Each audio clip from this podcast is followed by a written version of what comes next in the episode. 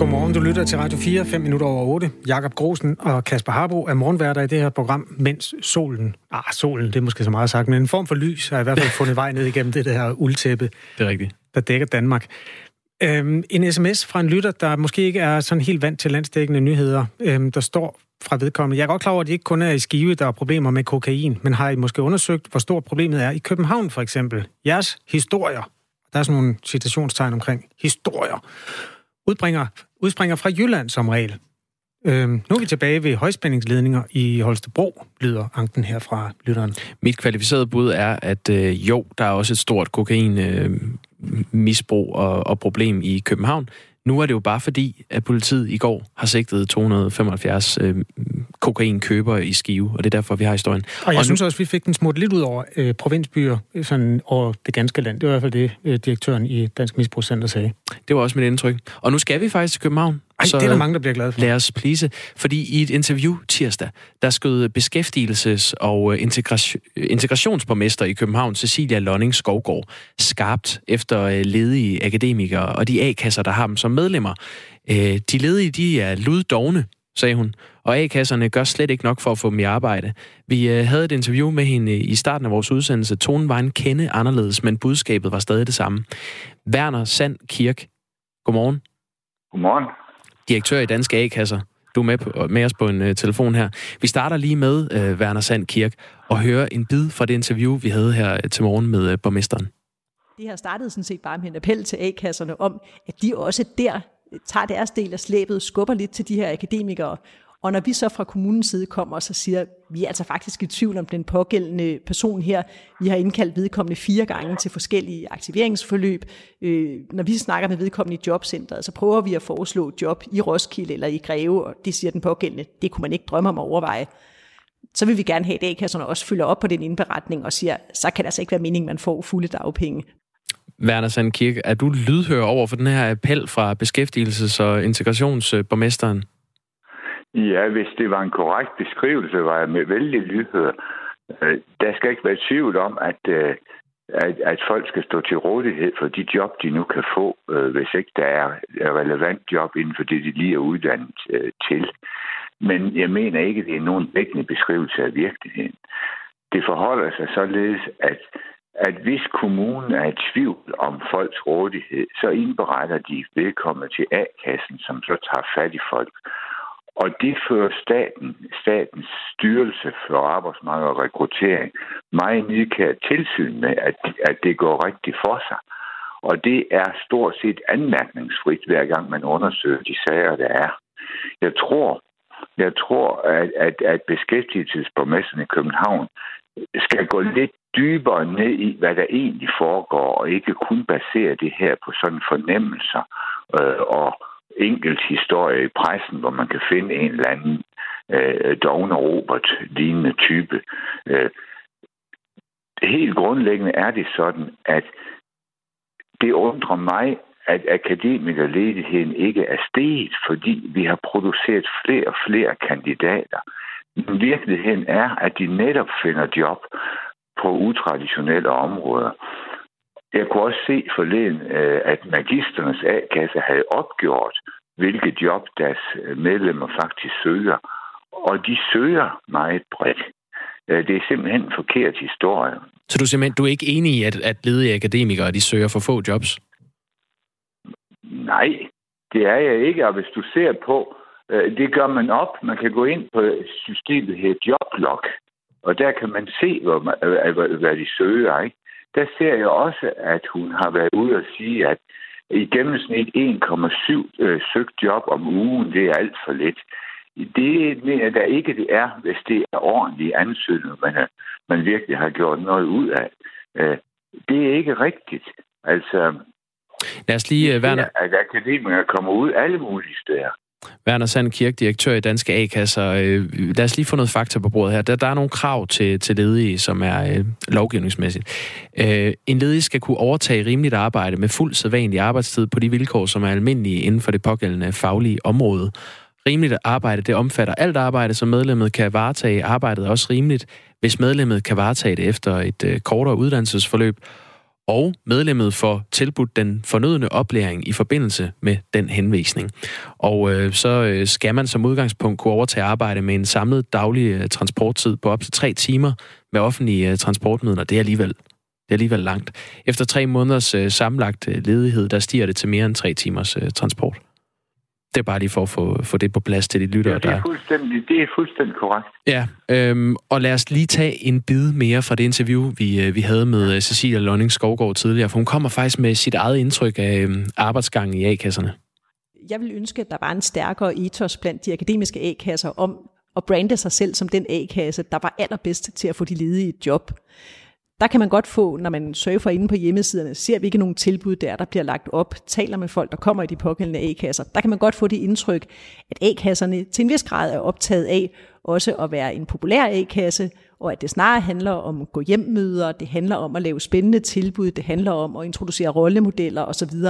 Men det her sådan helt øh, daglige rugbrødsarbejde, og som også indebærer nogle gange at tage politikasketten på og sige, hovmarker, du søger altså ikke det antal job, du søger ikke langt nok væk fra din bopæl.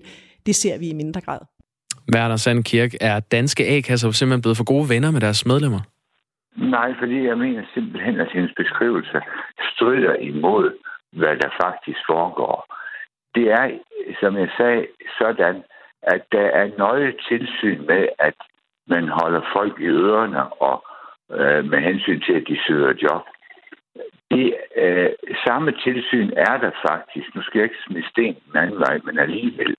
Når man ser på øh, kontanthjælpsmodtagerne og den kommunale indsats, så er der en del, der halter.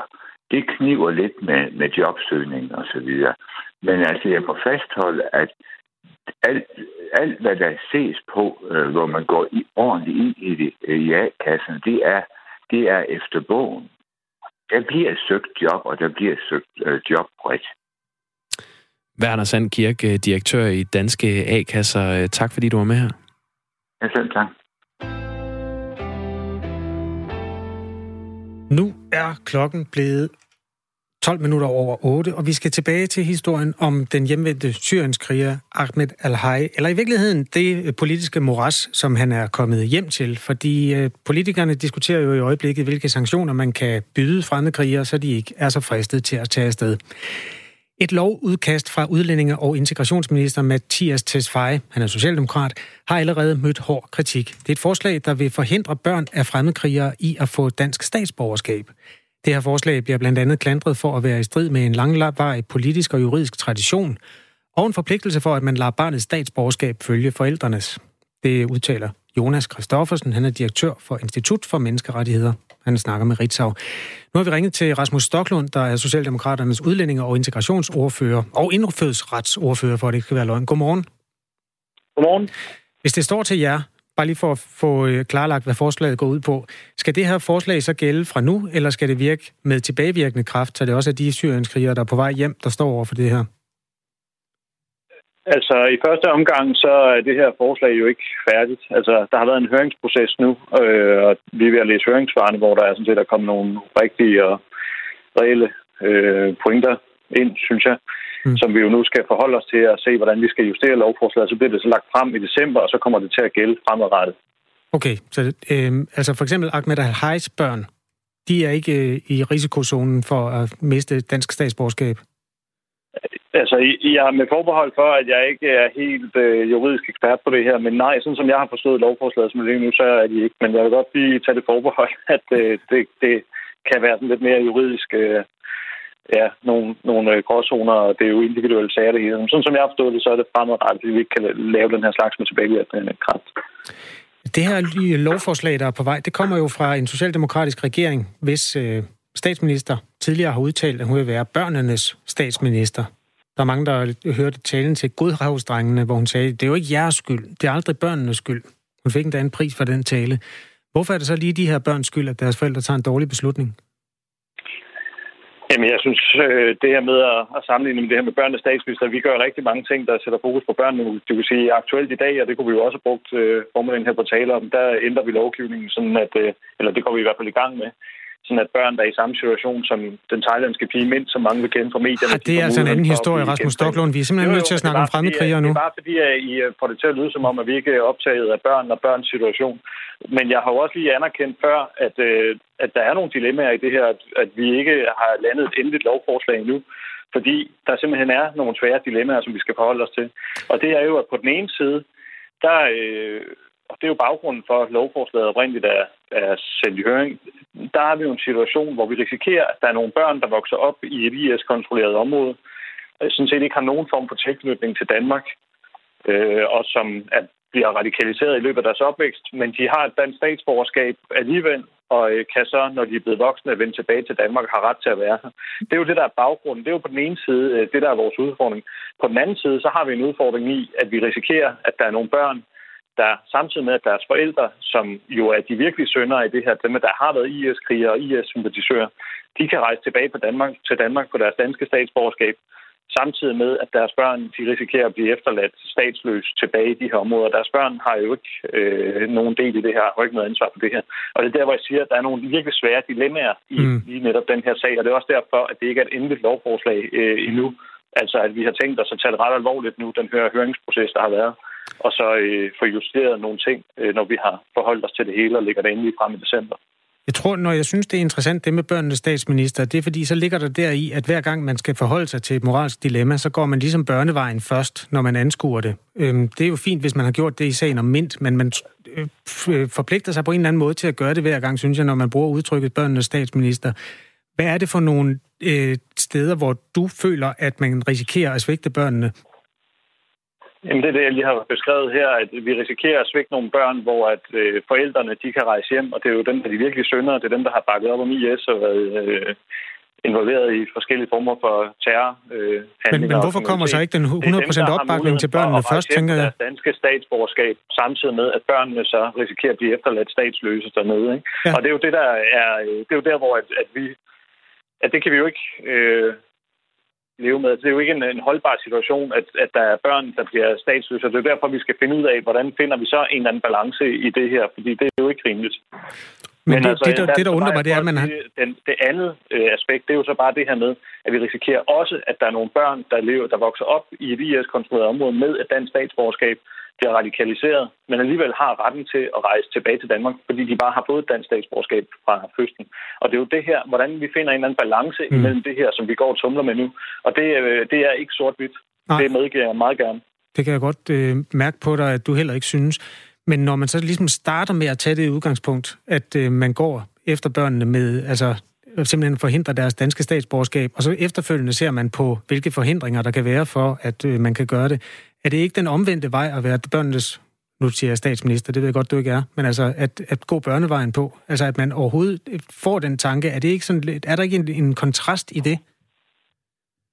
Det ved jeg ikke. Det må du og lytterne vurdere. Altså, det her det er en samlet pakke øh, sammen med en, en lang række andre øh, lovforslag, øh, som vi øh, behandler i øjeblikket, som har til hensigt at beskytte Danmark og danskerne mod IS-krigere, der vender tilbage og øh, er radikaliseret og risikerer kun at kunne blive dømt øh, relativt korte straffe, fordi gerningssteder og vidner og ofre, de er i Mellemøsten.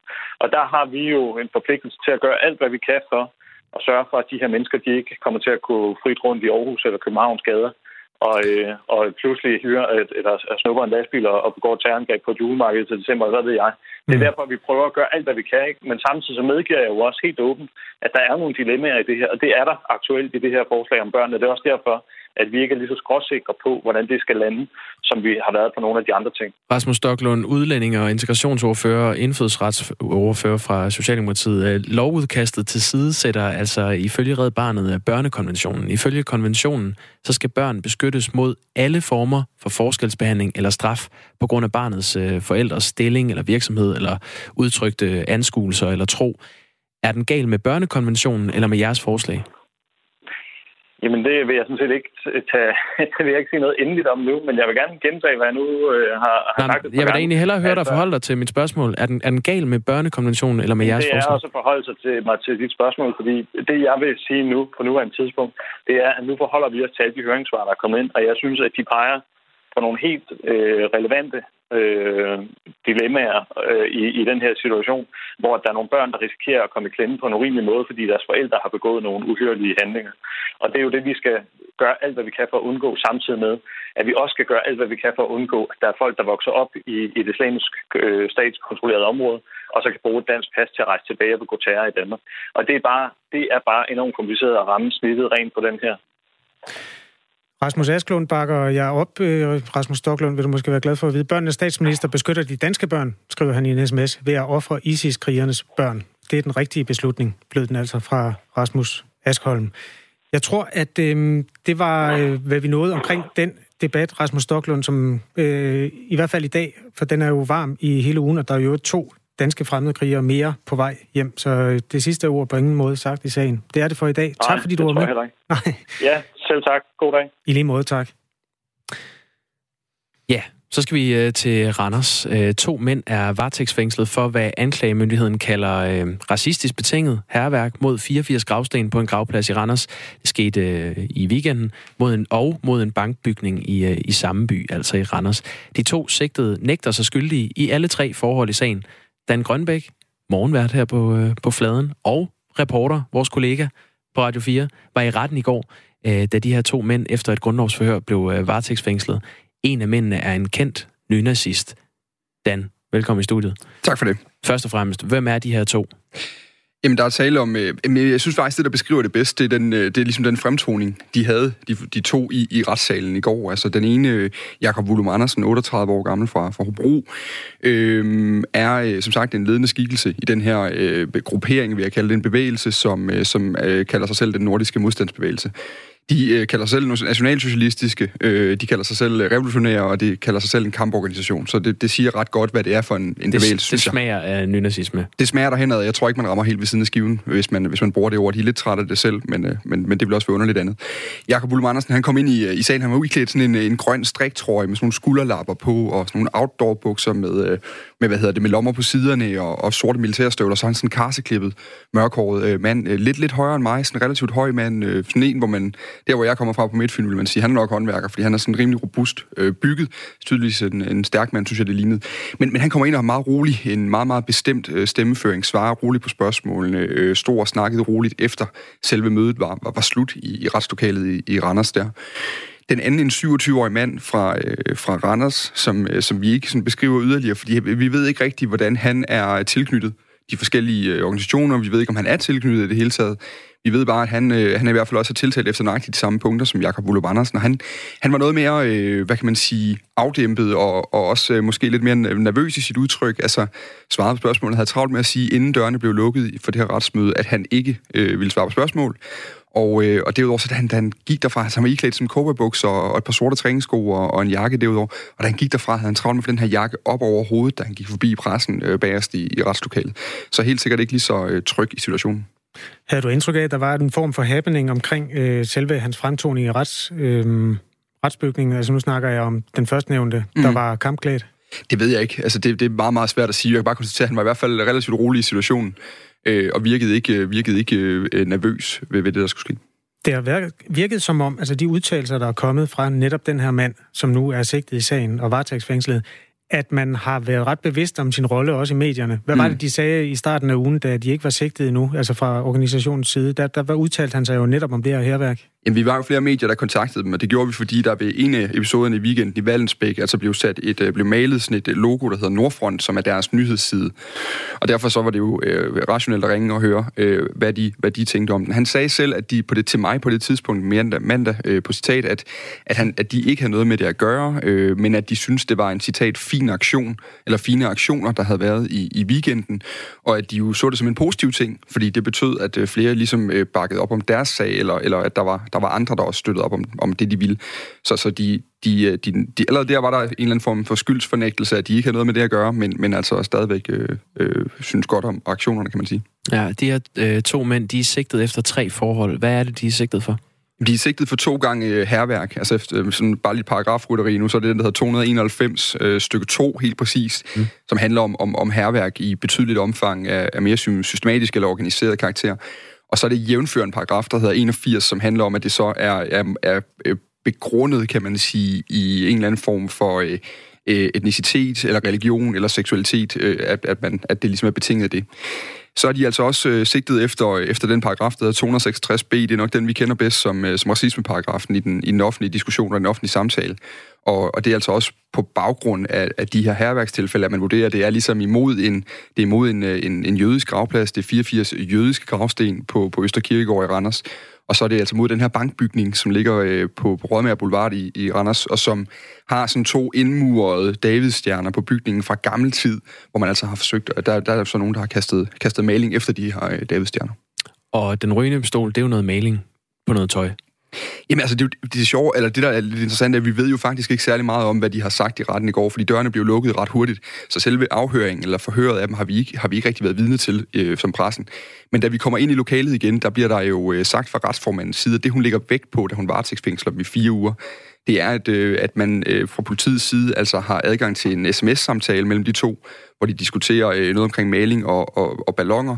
Men man har fundet øh, tøj og, og rester af maling og en pensel med, med malingrester på, som matcher den farve, der er blevet brugt på, øh, på Østerkirkegård i, i Randers. Så det er altså ligesom det, hun har lagt vægt på øh, i det øjeblik, hun har, har varetægtsfængslet med fire uger. Jeg synes lige, vi skal høre båndet, interviewet med Steffen Dam Andersen. Han er, øh, det er anklageren, også? Ja, det er nemlig anklageren for Østjyllands politi, ja. Der blev fundet noget øh, maling øh, hjemme ved en af de øh, sigtede. Det er et af de beviser, som, øh, som retsformanden øh, fortalte, at hun lagde væk på i dag. Mm. Hun nævnte også øh, noget med, med nogle sms'er, som, øh, som skulle være, øh, være sendt rundt i forbindelse med episoden her, her fredag. Kan du sige noget om, hvad det, hvad det er, der, der har været der? Det er en øh, sms-korrespondence, der har været øh, mellem de sigtede, øh, og den bliver der også lagt væk på øh, af retsformanden i dag. Hvad er det for nogle efterforskningsskridt, I skal, I skal tage nu? Jeg kan ikke udtale mig om de konkrete efterforskningsskridt, vi skal ud og, ud og lave, men der, der er nogle tekniske undersøgelser, og så er der øh, også øh, vidner, der skal øh, afhøres. Har I en forventning om, at der er flere øh, gerningsmænd? Sigtelsen gik på, at det i hvert fald i et vist omfang har været planlagt det her, øh, og øh, det skal efterforskningen jo så afdække, om, øh, om der er flere medgerningsmænd, der har været involveret i det her det, der har fyldt meget i offentligheden de sidste dage, det er jo øh, øh, grovheden i det, kan man sige, eller i hvert fald det, der ligesom er rettet mod en, en etnisk gruppe. Det er bare det er også præg af i, i de øh, paragrafer, I har valgt at, at sigte efter, eller tiltale efter, øh, op til, til grundlovsforhøret i dag. Hvad er det for nogle ting, der, der bestyrker dig i, at det, det kan handle om, øh, om de her, om, om hvad kan man sige, en hadforbrydelse, som det populært vil blive kaldt? Det er jo øh, det, det, det er blevet begået øh, på, øh, på jødiske gravsten, som vi også hørte. Øhm, og det er jo det er så andre helt konkrete omstændigheder, igen ikke kan komme ind på, der gør, at, at det er den formodning, vi, vi arbejder ud fra. Det var altså anklageren fra Østjyllands politi, Steffen Dam Andersen, som vores øh, reporter og kollega Dan Grønbæk har talt med i går. Og øh, Dan Grønbæk er også i studiet hos os. Hvis det her var en kriminalroman, så ville den have tre sider eller sådan noget. Altså, mm. herværk mod jødisk kirkegård. Mm. Alle tænker, det er nok nynazister. Mm. Politiet kommer hen til nynazister. De finder maling på deres støvler. Mm. En meget, meget kort historie. Øhm, Som jo så ikke er afsluttet nu, fordi de kun er sigtet, det skal vi huske at sige i den her anledning. Det er den fjerde side i bogen. Ja. Du har talt med Jakob Buller, øh, Andersen tidligere. Mm. Hvad sagde han? Jamen, jeg talte med ham i mandags, fordi jeg jo netop ringede til ham på baggrund af episoderne i weekenden, og, og, øh, og, og sådan citeret for mig, der siger han øh, jo blandt andet, at, og det er et direkte citat, det her, som også har tjekket af øh, med ham i den samtale. Altså, jeg synes, man kan være positiv over for, at folket om sider er begyndt at vågne lidt op og opdage, at den jødiske indflydelse i samfundet er skadelig, og jeg har øh, forståelse for, at de her personer skaber opmærksomhed omkring det. Øh, og, og, og det er jo igen det der med at sige, at han, han ligesom han har ikke noget imod de aktioner, der er sket i weekenden, men han siger altså også i samme øh, tilknytning, det er ikke os, der har stået for det. Og, øh, og det, er det er den type aktioner, vi laver. De laver primært sådan propagandaaktioner, hvor de uddeler flyers og sætter klistermærker op og sådan noget. Og, og så har de skrevet en erklæring på øh, hjemmesiden Nordfront i går? Jamen, der er simpelthen kommet fra, øh, jeg kan sige, skribenten af redaktionen øh, på, på Nordfront.dk har i aftes øh, lagt noget ud, hvor de har skrevet, i den nordiske modstandsbevægelse laver vi ikke herværk. Ikke nok med det amoralsk at ødelægge privat ejendom, så er det også et dårligt signal at sende til en almindelig befolkning, hvilket også vil sige, at det er dårlig propaganda. Og det er jo det, man skal forstå det her i, at det er ligesom et budskab, budskab, de vil ud med, og hvis budskabet ikke bliver modtaget, så er det ikke øh, rigtigt. Og det er jo det, de, de bruger som argument for, at det ikke kan være dem. Kan man sige. Det forstår jeg ikke lige det sidste. Jamen, de vil, de vil jo gerne, øh, de er ude efter at, at, at få opmærksomhed for det første, men også at få folk med på sagen. Og der ah. mener de simpelthen, at det her med at ødelægge ting og privat ejendom og sådan noget, det, det, det er ikke sådan noget, der overtaler folk til sagen. Og så skriver de jo også i sagen om herværk øh, mod jødiske gravsteder i Randers, at to af vores aktivister er blevet sigtet. De er naturligvis uskyldige. Så det er altså meldingen fra organisationen. Det var ordene fra Dan Grønbæk. Tak fordi du kommer ind.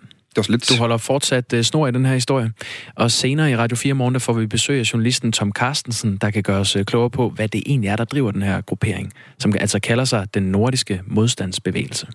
Vi skal også uh, se på en kæmpe abe efter nyhederne, som kommer nu med uh, Per Kolstrup Winkel. Klokken er halv ni. Her er nyhederne på Radio 4. Vanvidsbilister fortsætter med at køre videre på de danske veje, fordi de kan trække retssagerne i langdrag. Sådan lyder det fra en række betjente i dag i Berlingske. For, formand for politiforbundet Claus Oxfeldt bekræfter tendensen og peger samtidig på, at han mener, at trafikkulturen generelt er blevet katastrofal i Danmark. Jeg ser den ene store forseelse efter den anden stort set hver eneste dag. Så, så jeg kan i den grad godt se en udvikling, der går den forkerte vej. Og når vi så dertil lægger de her øh, vanvidsbilister, som, som jo fuldstændig udnytter systemet og undlader at møde op i retten, undlader at åbne deres e-boks øh, øh, for at se, om de skal, skal, skal eventuelt møde i retten, og dermed kan køre videre i en lang, lang periode, så synes jeg, at man politisk er nødt til seriøst at overveje, at man kan, man kan lave nogle nye tiltag, som for eksempel øh, nemmere at kunne konfiskere en bil. En ting er det absurde i, at dømte bilister kan køre videre. Noget andet er den påvirkning, de mange sager har for politiets ressourcer. Jeg vil sige, i forhold til et, et pressepolitik øh, med rigtig mange opgaver, så er det jo ret belastende, at øh, man eksempelvis har fået omlagt en, øh, en tjeneste, fordi man er indkaldt som vidne, altså som politimand vidne i, og, og skulle møde i retten, og så får man, man måske at vide om morgenen, når man møder, at det retsmøde, du skulle have været til, det er så aflyst lød det fra politiforbundets formand Claus Oxfeldt. I et skriftligt svar til Berlingske skriver justitsminister Nick Hækkerup, at regeringen vil præsentere en række værktøjer inden jul, der skal imødegå problemet med eksempelvis vanvidsbilister. Grønland var et af hovedemnerne, da udenrigsminister Jeppe Kofod onsdag besøgte sin amerikanske kollega Mike Pompeo i Washington. Det arktiske område og Grønland er nemlig interessant for amerikanerne. Det handler jo meget om, at vi, vi lever i en verden, hvor hvor det arktiske og, og fokus på, på Grønland øh, er blevet meget større. Og øh, amerikanerne også øh, viser stort engagement. De åbner blandt andet et konsulat øh, op i Nuuk øh, og skal styrke samarbejde kulturelt, uddannelsesmæssigt, forskning osv., handel. Med på mødet der er også Anne Lone Bakker, der er Grønlands minister for udenrigsanlæggende, og parterne fik drøftet specifikke amerikanske ønsker. Der er ting som service, øh, kontrakten på Thulebasen, og hvordan vi sikrer, at, at det i hele taget, at, øh, at også den amerikanske engagement deroppe øh, militært, det, det også kommer Grønlands befolkning øh, til gode på forskellige lederkanter. Og det, det, det fik vi også drøftet og bekræftet i, at vi, vi skal konstruktivt samarbejde omkring det. Det har vi allerede, men det kan vi styrke. Investeringer, amerikanske investeringer i Grønland, vigtige også. Altså, at vi på den måde øh, får styrket båndene mellem øh, Grønland og USA øh, og kongeriget og USA.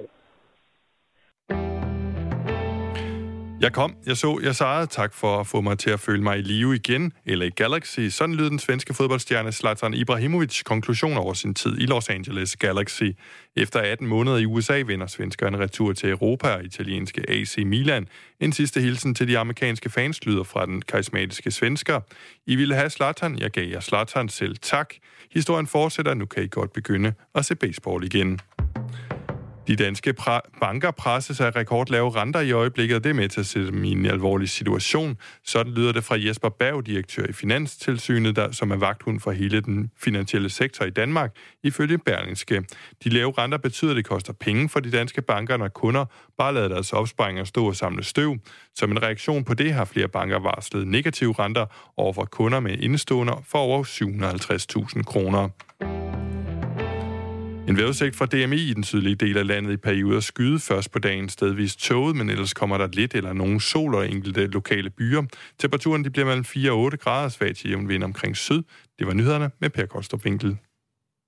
Vi har været overalt i nyhedsbilledet den her morgen i Radio 4, og øh, det, der måske mangler lidt, det er nogle dyr. Det er der, hvor man tager paraderne ned og bare nyder det. Og det kan man godt trænge til i en tid, hvor nyhederne de har en eller anden øh, afsmag af krig alle sammen. Og så er det så heldigt, at magasinet Nature der kom i går, havde en kæmpe artikel om kæmpeaben. Kæmpeaben. Altså, der er for lidt kæmpeabe i radioen. Kæmpeaben. 600 kilo, 2-3 meter, og så levede den for 1,9 millioner år siden. Det var tre fakta om, øh, om kæmpeaben. Forskere på øh, Københavns Universitet har undersøgt den her kæmpe abes utrolig gamle proteiner, og på den måde indhentede genetisk information. Mikkel Heide Schierup, professor i bioinformatik ved Aarhus Universitet. Velkommen i studiet. Mange tak. Hvad betyder det, at vi kan undersøge de her næsten 2 millioner år gamle proteiner fra kæmpeaben? Det betyder, at nu kan vi, øh, øh, nu kan vi øh, komme længere tilbage i tiden. Altså, der har været de seneste år, har der været meget øh, fokus i, øh, øh på, øh, på DNA-undersøgelser af, af gamle skeletter. Men det, er, det har sin begrænsning.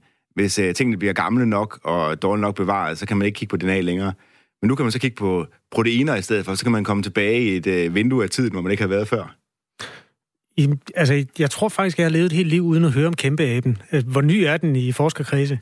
Ej, vi har kendt den længe, ikke? Altså, det er jo, det er jo, øh, man har fundet de her knogler, og så har man kunne se, at det, her, det har været nogle meget store, sådan, man har tænkt sådan nogle orangutang-lignende øh, øh, øh, dyr, og måske har man også sådan tænkt øh, på nogle, øh, øh hvad hedder det, afskyelige snemænd, ikke? Altså mm. sådan nogle, øh, fordi de var så store, ikke? Og, og de var der jo også indtil for cirka 100.000 år siden, så de har været der i den tid, hvor, hvor der også har været mennesker.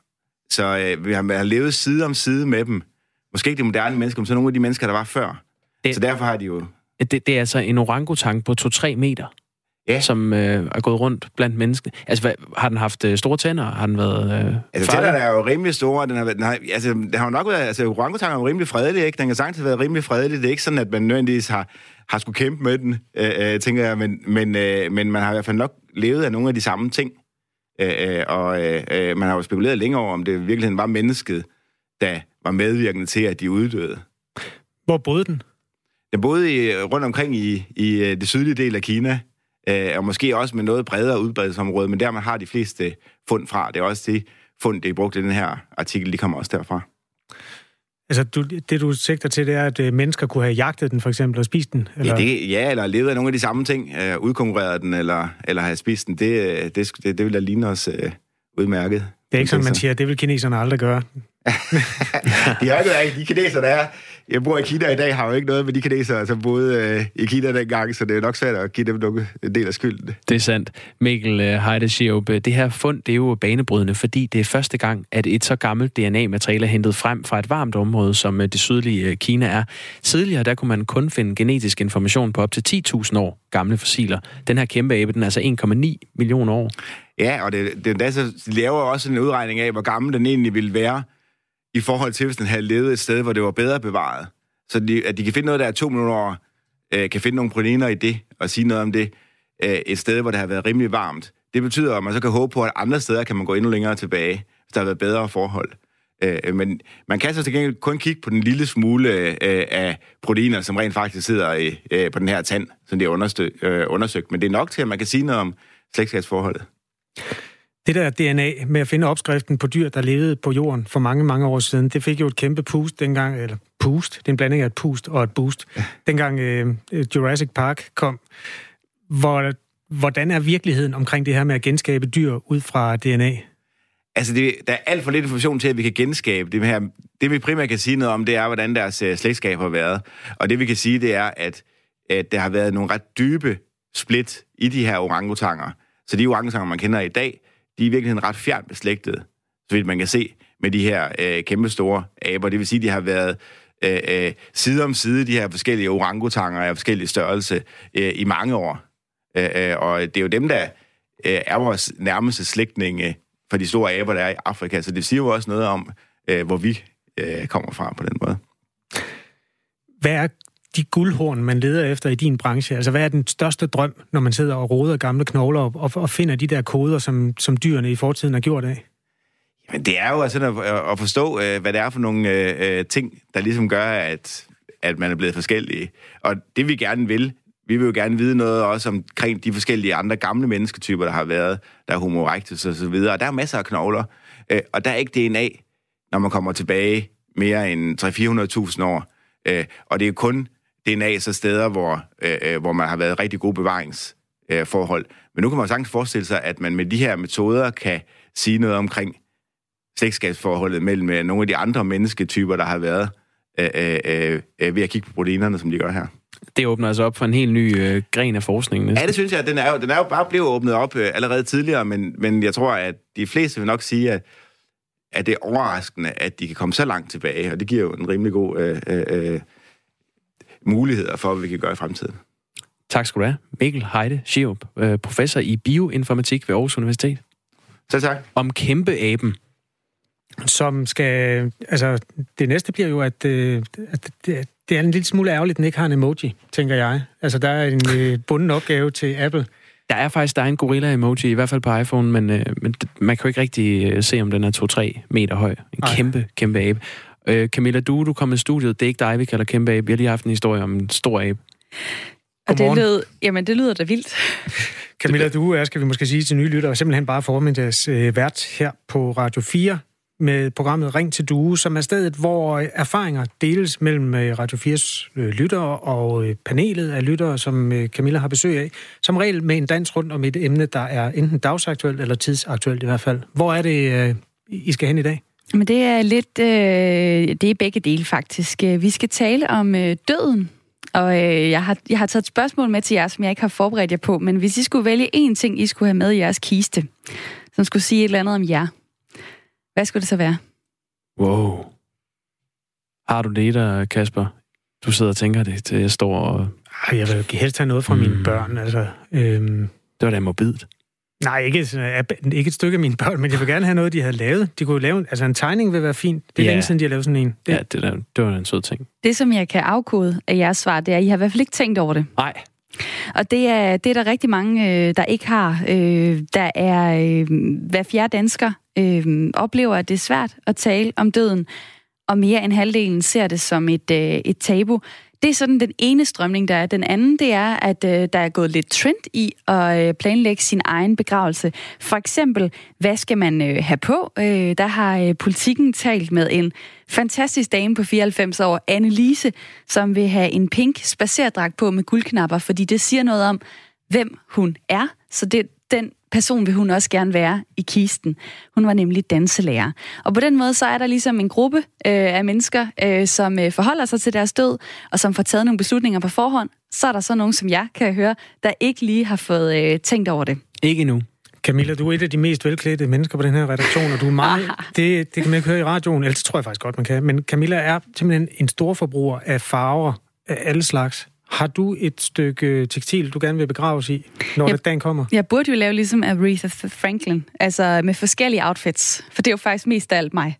Det er det der med at have et nyt outfit på hver dag. Ja, det kan man ikke så godt, når man er blevet Ej, man kan man godt have... Ej, jo, men så skal jeg lægge det der lidt deparat, eller hvad det hedder. Ej, det er måske det, som er too much. det er en dum idé, Camilla. Ej, jeg kan da tage... Jeg tror, jeg skal have... Øh, jamen, jeg kunne da godt tage den her på. En grøn kjole, og så, øh, så et eller andet, der ligger ved siden af. I går havde jeg en lyserød hat på. Vi var ude at spise med redaktionen. Det, den synes jeg også var rigtig fint. Sådan lidt spøjshat. Noget, der, der på en eller anden måde siger noget om det frastrålende selv, som jeg er. Det skal en rummelig kiste. Øh, Camilla, hvem er det, du gerne vil høre fra? Jeg vil gerne høre fra, fra dig, der har tænkt over eller planlagt, hvad der skal ske med dig, når du dør. Eller dig, der har valgt at sige, ej, det vil jeg hellere overlade til nogle andre. Øh, jeg vil vente med det, jeg vil ikke tænke på det. Hvorfor vil du ikke det? Det er, øh, det er de mennesker, jeg gerne vil høre fra i dag. Den er sendt videre. Skriv ind på 1424. Øh, Start din besked med R4. Tak for det, Camilla. Tak. Der er altså ring til Due på den her kanal om ja, 22 minutter. Vi skal nu tilbage til historien om to mænd, der blev vart. Nå, tak skrev Camilla du, eller skal jeg love for? Vi skal have gjort noget ved den dør, den larmer. Den smækker. Øh, I går blev to mænd varetægtsfængslet for omfattende herværk på Firefids gravsten på den jødiske kirkegård i Randers. En af de to sigtede og nu varetægtsfængslet i sagen er den 38-årige Jakob Wulum Andersen. Han er en fremtrædende person i den nynazistiske, øh, grup, den nynazistiske gruppering, som kalder sig selv for den nordiske modstandsbevægelse, og øh, derfor nu også bliver nævnt en del i medierne. Journalist Tom Carstensen har fulgt gruppen øh, i ja, faktisk tæt i lang tid i forbindelse med skabelsen af en radiodokumentar om dem, og øh, er nu i vores øh, studie i København. Godmorgen. Godmorgen. De kalder sig selv for en socialist, nationalsocialistisk revolutionær kamporganisation. Er det nazisme, som vi kender det fra Tyskland? Ja, det er jo i hvert fald det, som vi normalt med kort ord kalder nazisme. De bryder sig ikke så meget om ordet nazisme. Det er der ikke ret mange af dem, der kalder sig nationalsocialister, der gør. De synes, det er sådan et, en form for et ord, der er ligesom nedsættende. Men altså, nationalsocialister, det må man sige, de er. Og når man taler med dem, når man læser de ting, de skriver, så øh, køber de jo sådan set også ind på, på stort set alt, hvis ikke det hele, øh, fra den gang i 30'erne. Hvad er forskellen på den nationalsocialisme og nazisme? Er det gaskammerne, eller hvad? Ja, jeg tror egentlig ikke, der er den. Altså, nazisme var ligesom et ord, som øh, andre kaldte nationalsocialisterne. Øh, altså, det er egentlig bare det. Det var noget, der ligesom blev, blev kaldt udefra, ikke? hvor de så selv kaldte sig nationalsocialister. Øh, de tror så, at nu du nævner gaskammer, så er der jo masser af mennesker øh, på den her fløj, der jo ikke mener, at øh, det foregik på den måde, som den almindelige historieskrivning øh, siger. Der er masser af mennesker, der mener, at holocaust er dybt overdrevet eller decideret opfundet. De æder ikke de 6 millioner jøder, der blev gasset ihjel og så videre. Så de har en, en ganske anden verdensopfattelse end, end de fleste almindelige danskere. Du har været med, når de har det, de kalder aktioner. Hvad er det, de gør normalt? De laver forskellige ting. Tit er det sådan, at de tager ud, og jeg kunne se den anden dag, hvor de er Børkop og dele flyers ud, eller sætte klistermærker op. Øhm, gå og taler med folk på gaden, øh, så har de lavet en enkelt demonstration på et tidspunkt, som blev lidt voldsomt, fordi den ikke var anmeldt i København i foråret, hvor de havde en masse fra deres svenske gruppe over for at hjælpe, fordi de reelt ikke er så mange i Danmark, så vidt jeg ved. Det er så lidt, lidt voldsomt, fordi når du laver en uanmeldt demonstration, øh, så hører de autonome om det, så kom de, og så var politiet der også, og så blev det lidt hæftigt. De har lavet en aktion på et tidspunkt, hvor de tog en skov og samlede med skrald, og så dumpede de det i øh, daværende miljøminister Ellemann Jensens øh, øhm, øh, indkørsel, ham der nu er formand for Venstre, fordi de synes, danskerne er nogle, øh, nogle miljøsvin, og det vil de gerne gøre opmærksom på på den måde, fordi de går meget op i ja, økologi og tilbage til jorden blandt andet. Det var det tættere på socialisme end øh, så meget andet, de har sagt. Ja, men det er jo så også øh, der, hvor, hvor de mener jo grundlæggende, altså de ser jo selv sig selv som en form for socialister med national foran. Altså jeg kender, jeg har mødt en del i de her miljøer. Jeg har blandt andet snakket med en, der tidligere var med i DNSB, altså det gamle Johnny Hansen nazistparti, og han sagde, at han ville hellere stemme, hvis han stod med valget mellem at skulle stemme Enhedslisten og Liberale Alliance, så ville han stemme Enhedslisten, fordi han, han følte sig tættere på dem, fordi han, de er også mod kapitalisme. Øhm, de, ja, de går ind for økologi, de øh, bryder sig ikke om, at vi importerer madvarer fra hele verden, vi bør dyrke jorden selv, og så det er en ja, det, det, det er lidt pudsigt, tror jeg. Jeg tror, der er mange, der ikke vil være klar over det i hvert fald. Men de vil ikke flage med, med regnbueflaget, som, øh, som enhedslisten gør? Det vil de så ikke gøre, nej. Altså, der er en masse ting... Det, det, nej, det er klart. Der, der er en masse mennesker, de så ikke bryder sig om til gengæld. Altså, det er der jo. Tom Carstensen, du sagde før, at øh, de ikke er så mange, så de får også lidt hjælp fra Sverige. Hvor mange øh, vil du estimere, der er i Danmark? Det er gætværk, fordi det vil de ikke ud med, sådan nogle grupper her. Det vil de aldrig. Men altså, jeg har været sammen med dem på en enkelt aktion, hvor de var mere end 20, og det var jo ikke alle, der var der der. Øh, men jeg, vil, jeg, jeg, ved det ikke, men jeg vil undre mig, hvis de var mere end 100 i Danmark. Det vil jeg ikke tro. Men i Sverige, der, der kan de godt samle en 600-700 mennesker til demonstrationer. Det har de gjort en del gange. Og generelt er de bare en større ting i Sverige. De har været der i rigtig mange år, og de har også lavet øh, ret voldsomme ting, i hvert fald hvis, øh, hvis domstolenes øh, domme står til trone. Der sidder to mennesker øh, fængslet for bombeangreb for nogle bomber i Göteborg mod, øh, mod det, der hedder en syndikalistisk fagforening, altså sådan nærmest en anarkistisk fagforening, og nogle flygtningeboliger, nogle af de boliger, hvor, hvor nogle af de folk, der kom i forbindelse med, med migrantkrisen, skulle bo. Så der har de gået noget længere, end de har i Danmark. Du, siger, du har jo været med øh, ved flere af deres aktioner. Altså, er det øh, et koordineret? Altså, blåstemplet af dem, at du er med? Ja, ja, absolut. Ja, altså, det, det, det, jo, jo, jeg har ikke bare været ind for højre. Det kan man ikke. Jeg har været i dialog med dem i længere tid, og havde nogle lange samtaler med dem, og så fandt de så ud af, at mig ville de godt have med øh, og lave noget radiodokumentar om dem. Nej, nej, jeg kommer ikke bare vælge ind for højre. Det går ikke. Nej, det tænker jeg nok. Hvad er... Øh, hvad skal man sige, hvordan har dialogen været? Altså, det, fordi der er jo også en, en, et element af propaganda Jamen, dialogen har været ganske øh, pæn og ordentlig. Øh, det tog lidt tid at, at få lov til at være med, men, øh, men ellers så snakker vi fint sammen og pænt til hinanden, som man siger. Altså, øh, så så ja, det er jo klart, de vil jo også gerne have deres holdninger ud. Øh, det er de jo så kommet, man kan sige, endnu mere nu i forbindelse med de her sager, hvad end, det er, hvad end han bliver dømt eller ej, at de her to mænd bliver dømt eller ej, så er de er jo i hvert fald kommet noget mere på Danmarkskortet nu, end de var før. Øh, det er jo selvfølgelig også i deres interesse, men øh, så må man jo stille dem de kritiske spørgsmål, man skal stille, når man snakker med dem. De er i den grad også på kortet i Sverige, som du har været inde på, og i Finland er der et øh, medlem af den her organisation, der blev fængslet efter at have sparket en mand under en demonstration. Den pågældende mand, han døde kort tid efter. Hvor, hvor voldsparat vil du vurdere, at den her organisation er i Danmark? Ja, det, det har jeg simpelthen svært ved at vurdere endnu. Altså, jeg synes ikke, de har jo ikke... Altså, de skal lige dømmes først i hvert fald for det her. Og det er jo så også herværk, det er jo ikke vold.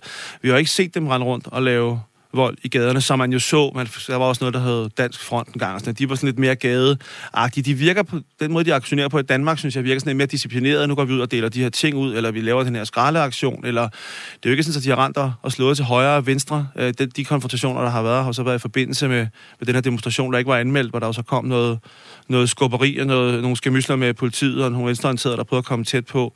Men det er klart, altså i Sverige har deres demonstrationer traditionelt været ret voldsomme, også fordi, at der møder også rigtig mange venstreradikale op, og så kommer de jo op og slås. Øh, man har jo også snakket om, altså Magnus Ranstorp, terrorforsker i Sverige, som ellers generelt ikke er tilhænger af at forbyde til højre og venstre, vil jo faktisk gerne have dem på terrorlisten. Der er også folk, der arbejder for at få dem på den amerikanske terrorliste. Men det igen, det er Sverige, og så siger du selv Finland, hvor der også har været noget, men det er klart Sverige, de har været størst og mest voldsomme i. Og nu, øh, når vi taler om, øh, om de, de sager, der har været i Randers øh, i weekenden, så hører vi jo om Jakob Volum Andersen, øh, som kalder sig selv for redeschef hvilket egentlig er en betegnelse for, øh, for regionsleder eller sådan noget. Han er en mand på 38 år. Hvem er det ellers, der er med i den her gruppering? Er de som ham, voksne mennesker? Ja, nogle af dem er... Ja, så jeg har... For tidspunkt var der nogle af 20, der var sammen med, men der var faktisk mange unge imellem, mange i 20'erne. Øhm, og det jeg blev mærke i, i forhold til, når jeg tidligere har arbejdet med nogle af de her grupper i gamle dage, det var ikke sådan en flok, hvor du tænker, de ligner skinheads på den gamle måde alle sammen. Der var mange helt almindelige fyre på, på start 20'erne, studerende imellem, og så var der selvfølgelig også nogle, der var ældre, der nok har været med i andre grupper tidligere, ved at gætte på. Altså. Men mange af dem er, som jeg får det at vide, mange af dem har ikke, altså, de har ikke alle sammen en fortid i andre politiske bevægelser. Øh, så det er, en, det er blandet, øh, og det er klart, at altså, øh, 38, han er jo nok i den, i den ældre ende. Tom Carstensen, øh, med dit kendskab til dem, nu, nu ved jeg ikke, om du vil begive dig ud i sådan noget gætværk, men... Øh, Helst men, ikke som regel. Men... Ja, men det, det du kender til øh, den her gruppe, mener du, det er sandsynligt, det er dem, der står bag de her, det her herværk? Ah, det, og det vil jeg simpelthen ikke, øh, det, det, vil, jeg, det vil jeg ikke gætte på, fordi de er jo ikke dømt endnu. Øhm, de er også, så det, det, det er jo rent gætværk. De siger jo selv, at han har også selv været ude og sige, at sådan noget gør de ikke. Øhm, så mm. det vil jeg nu lade, det vil jeg lade domstolene finde ud af. Alright. Tom Carstensen, som altså følger den her nordiske modstandsbevægelse i arbejdet på at lave en radiodokumentar Øh, til os, eller til det P1, eller hvad? Det, det ved man ikke nu. Nå, okay. Nej, det ved man godt, men det, det siger vi nu. Nej, okay, det var mere fordi... Øh, det er helt orden. Jeg vil gerne... Øh, Selvfølgelig, jeg, det skal nok, vi skal nok op, når det vil være der. Det er i orden. Tom Carstensen, tak fordi du vil dele dine erfaringer med den her aktivistiske gruppe. Selv tak. Den nordiske modstandsbevægelse. Du lytter til Radio 4, klokken er 8.52. Tidligere på morgenen, der var vi øh, omkring øh, emnet kokain. I Skive kom det nemlig øh, i går frem, at politiet har optravlet et stort salgsnetværk. Øhm, helt generelt er kokain også i fremgang øh, blandt helt almindelige øh, feststemte unge. Øh, vi talte med øh, Søren Skensved, der er direktør i Dansk Misbrugsbehandling, der ja, behandler misbrugere både i Jylland, Fyn og på Sjælland. Øh, ham talte vi med øh, tidligere på morgenen. Helt generelt øh, er det altså ikke... Øh, øh, oh, skal jeg lige se her. Og vi får lige en lydklip med, øh, med Søren Skensved, der er direktør i Dansk Misbrugsbehandling. Det, det er noget, vi ser over hele Danmark, altså hvor det tidligere var øh, øh, København, Aarhus eller nord for byen nærmest, ikke også? Så er det sådan, at nu er der øh, kokain på diskotekerne i Forborg og øh Bogense og Korsør og øh, Haderslev, altså så, så det er ikke kun i Skive sagde altså Søren Skensved, som også fortæller, at øh, på behandlingscenteret Dansk Misbrugsbehandling oplever de en klar stigning i kokainmisbruget. Øh, hos Dansk Misbrugsbehandling har vi i løbet af de sidste tre år set uh, cirka en tredobling af kokainmisbrugere, der søger behandling. Det er helt overvejende uh, unge mennesker, eller rettere sagt, det er unge mænd. Uh, næsten to tredjedel af dem er under 30 år, så det er en af de aller yngste misbrugsgrupper, der. Og det er ikke en uh, bestemt gruppe, men det er alle, der tager kokain, for, uh, fortalte Søren Skensved. Det er alle slags, altså det er håndværkere, murer, tømme, akademikere, altså helt almindelige danskere. Vi spurgte også uh, Søren Skensved, hvor let det er at få fat på kokain i forhold til tidligere. Jamen altså, hvor, hvor kokain tidligere var forbeholdt jetsættet, er det i dag er det tilgængeligt over hele landet. Og øh, de misbrugere, vi taler med i behandlingen, de siger, at de altid kan skaffe kokain på mindre end en halv times tid. Altså, man kan købe det i nattelivet, men ligesom du nævner, så har rigtig mange pusher en telefonservice, hvor man ringer og bestiller sin øh, kokain, som så bliver bragt ud med bud. Altså ligesom når man bestiller en pizza eller køber dagligvarer på nemlig.com. Der var nogen, der lavede et eksperiment, hvor de bestilte en, en, øh, det var i København, hvor de bestilte en pizza og øh, et gram kokain samtidig. Kokainen kom først. Det er helt vildt. Prisen for et gram kokain ligger på 600-800 øh, kroner ifølge Søren Skensved, som vi har hørt her. Og man behøver ikke engang komme i kontakt med misbrugsmiljøet for at få fat i det, fortalte han os. Nej, og øh, vi har faktisk fået sms fra flere lyttere. Der er Tommy, der påpeger, at politiet skulle måske bare tage et af de der telefonnumre og så bestille nogle øh, bunker kokain. Det var en nem måde at få fat i bagmændene på. Mm. Der er også en sms fra en anonym midtjyde, som skriver, Desværre har jeg en uåbnet besked fra Rigspolitiet i min e-boks. Det er så første gang ever. Men hvad skulle det ellers være? Ja, skriver han. Og øhm, Det var fordi, vi stillede spørgsmålet, er du en af dem, der har fået post i forbindelse med den store optrævning? Øhm, Midt- og Vestjyllands politi har nemlig øhm, sendt post ud til 275 mennesker. Det skete i forbindelse med optrævlingen af en narkoring, der udsprang fra den vestjyske by Skive. Der blev fængslet syv personer, og efterfølgende har politiet ved hjælp af pushernes mobiltelefoner kunne finde ud af, hvem det var, der havde købt narko af dem.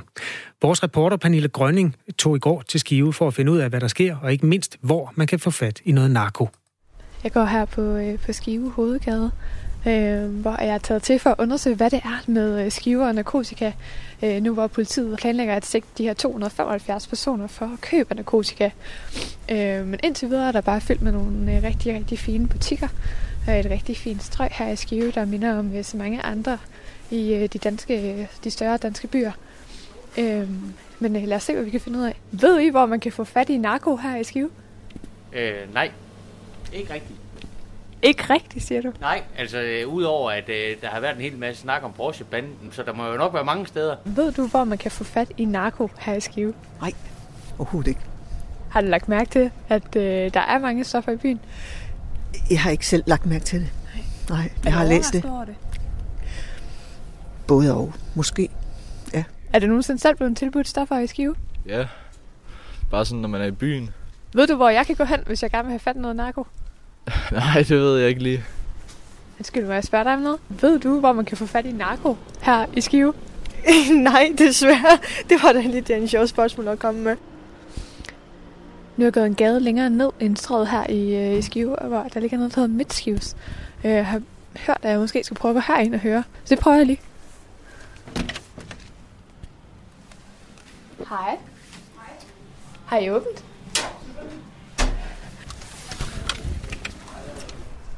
Nu er jeg lige kommet ud af et værtshus, der ikke har lyst til at snakke med mig. Øhm, de anerkender, at, at der er et problem her i Skive med, øh, med stoffer. Men de siger, at det er ikke på værtshusene. De tror, at det er hjemme ved folk selv.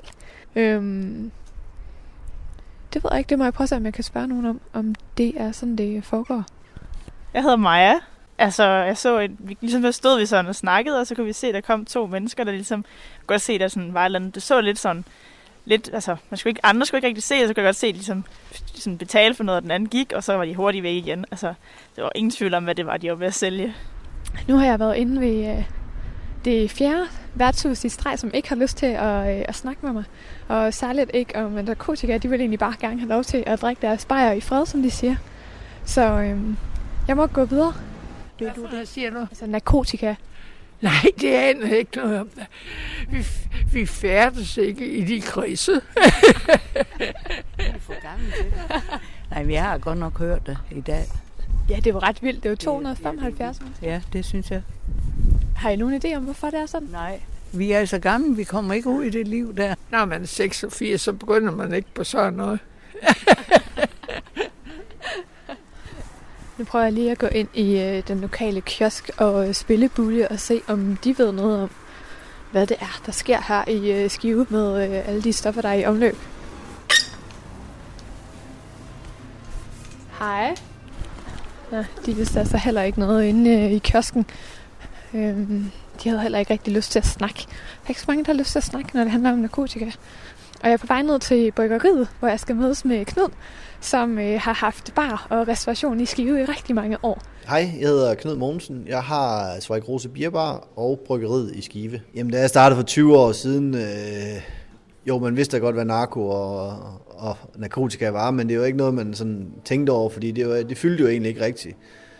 Øh, så gik det nogle år, og så kom narkoen også ind. Hvad er det, der gør det ved Skive, at det lige er her? Jeg tror, det er, fordi Skive er en lille by. Øh, vi lægger mere mærke til den. Øh, vi kender jo alle sammen alle, altså.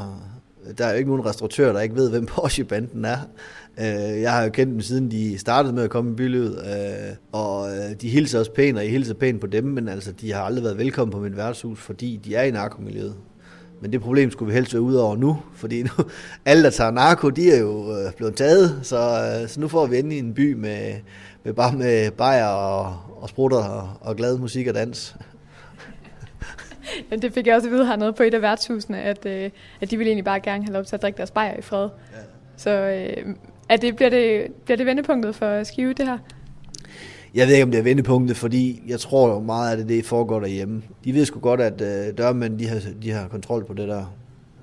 Nu har jeg jo gået og forsøgt at finde ud af, hvor man så køber sin narkotika her i Skive. Ved du, hvor man køber det? Nej, det ved jeg faktisk ikke. For mange, mange år siden, der var der noget, der hed øh, Vælte Peter, der kunne man købe has op. det er nok 15 år siden, det lukkede. Siden har jeg ikke rigtig, øh, siden har jeg ikke rigtig vidst det. Jo, jeg kunne selvfølgelig finde en i Porsche, der kørte rundt førhen, men øh, det valgte jeg. Det tror jeg, folk skal være med. Ja, en sms her, der står, hvis hun vil købe narko i skive, så kan hun bare tage ned i anlægget. Men jeg vil fraråde hende at gøre det. Det er det dårligste flake til dato. Tak for den sms. Der er også Eva fra Niveau, der får lov at sætte punktum med den her. Det mest uhyggelige ved kokainhistorien er, at folk er med til at finansiere de bander, som de egentlig helst ikke vil have, deres børn bliver medlemmer af. Egne behov kommer før omtanke, skriver Eva. Ja, og det var, hvad vi havde valgt at bringe i dag i Radio 4 morgen.